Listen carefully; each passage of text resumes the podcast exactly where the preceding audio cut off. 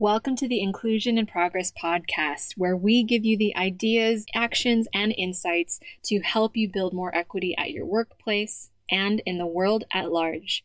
I'm your host, Kay Fabella, international expert on diversity, equity, and inclusion, a Filipino American living in Spain, and your guide in navigating this DEI journey. Having worked with teams at companies such as Philips, the IMF, Red Hat, PepsiCo, and more, I know firsthand that the work of inclusion only works when everyone has a seat at the table. Regardless of your personal entry point into this conversation, your race, ethnicity, gender, ability, age, sexual orientation, country of origin, or educational background, we all have a role to play in creating inclusion for all. And it starts with us having conversations we need to create the change we wish to see. So let's dive into today's episode.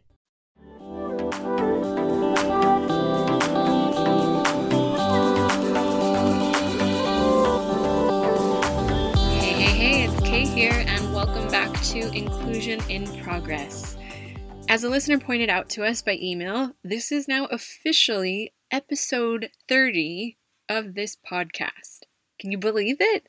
I've been floored by how quickly this has grown, how many listeners we've had from all over the world tuning in and writing and sharing their thoughts with us, and how the insights and resources that have been shared here have already led to IRL or in real life connections with many of you and your companies. My team and I have been giddy seeing how you're taking the episodes and these conversations that we start here to bring into your own DEI initiatives, into your ERGs, and sharing our solo and guest episodes with your colleagues and friends. In fact, just yesterday, I delivered a two hour virtual workshop for a women's ERG at a tech company based out of the US, my home country. And that came about because of an Inclusion in Progress listener.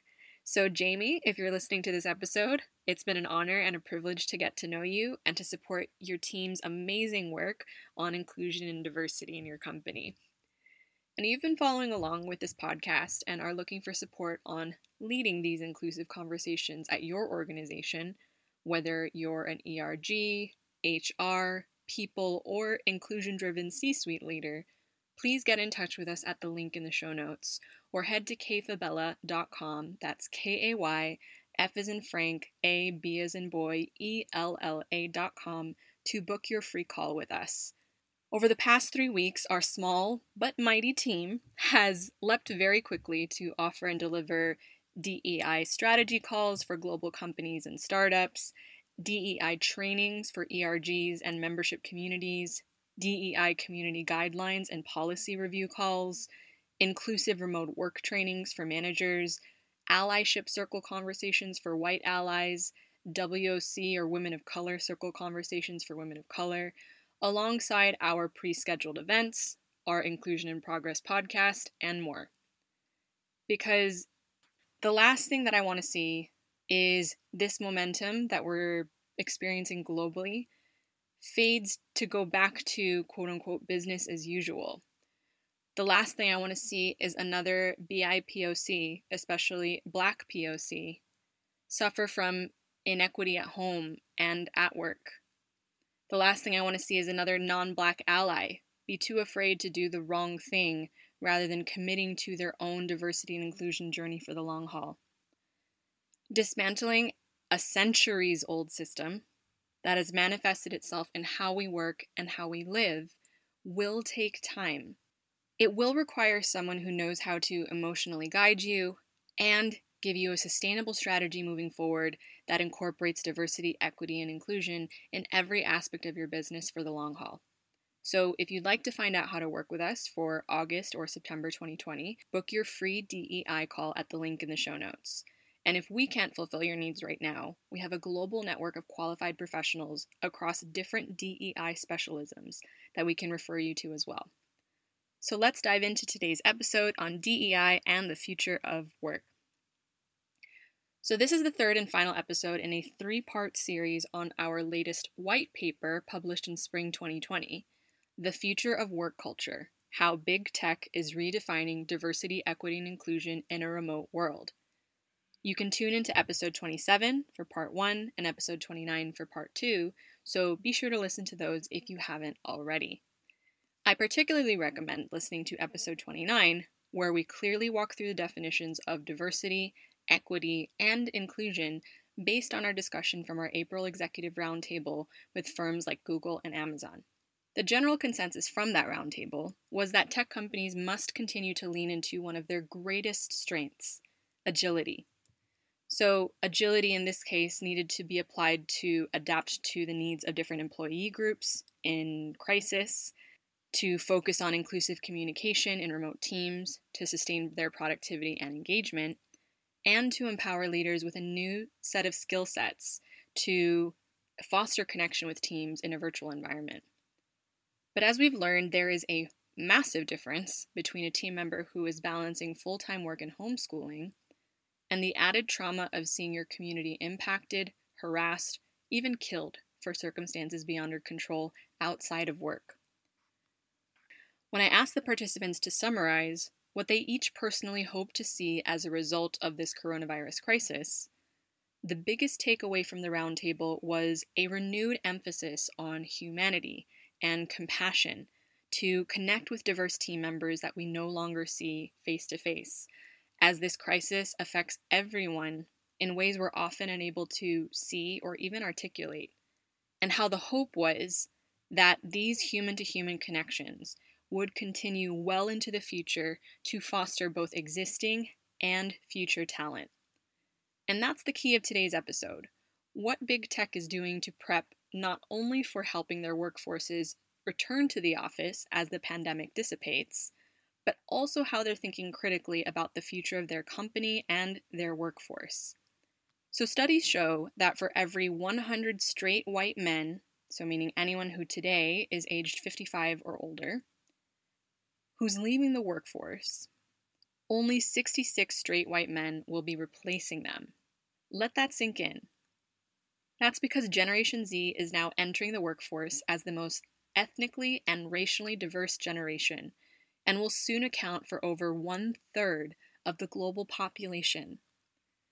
This large, diverse generational cohort is already beginning to impact the organizational cultures of the workplaces they enter, not even just as future talent, but also as consumers.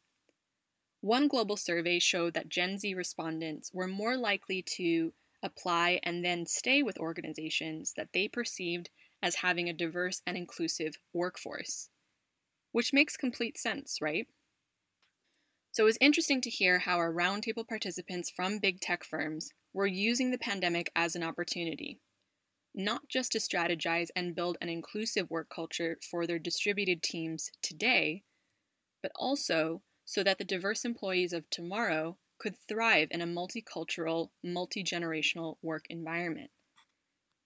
A key point that came up multiple times at the roundtable was on the importance of intersectionality, a term I've defined a couple of times on this very podcast in episodes 14 and 16.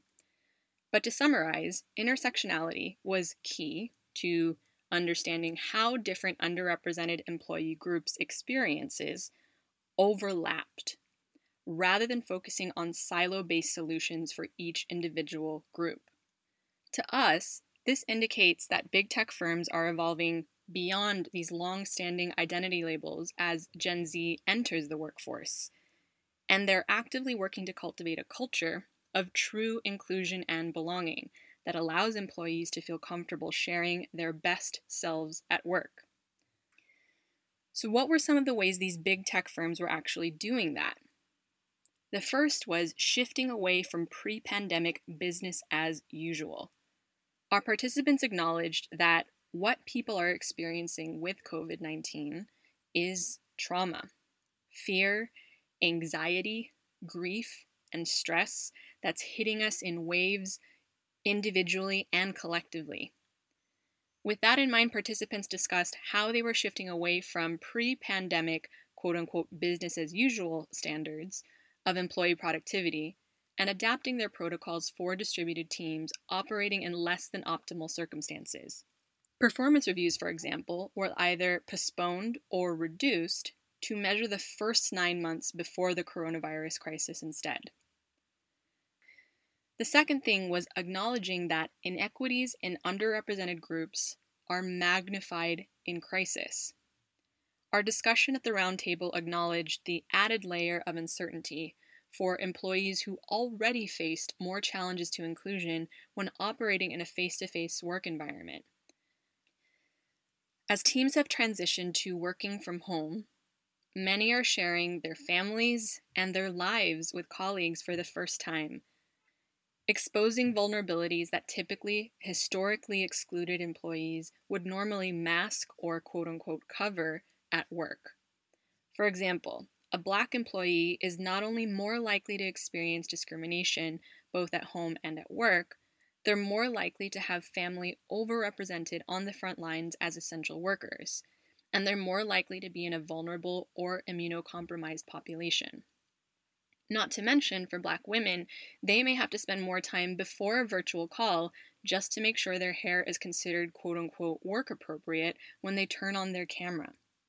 Recognizing and strategizing around these nuances and differences required cultural competency, an ongoing dialogue with employees from diverse groups to understand how to tailor support to their needs, and then critical thinking about how to continue engaging them at work because the employees of today will be the leaders of tomorrow if they feel like they are welcome and supported to be able to move up the ladder in an organization. And making sure that representation is equal and welcoming for future teams requires creating strategic, nuanced approaches to creating inclusion today. The third thing was prioritizing psychological safety. With the lines between home and work completely blurred, more of a spotlight was being placed on DEI topics like mental health and caregiving duties.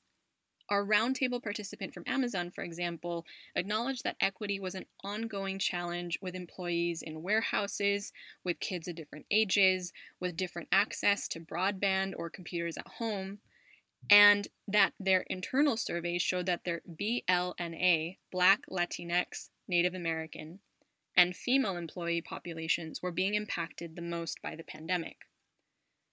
To meet these challenges and encourage connectivity across distributed teams now and into the future, these tech companies were adapting in various ways.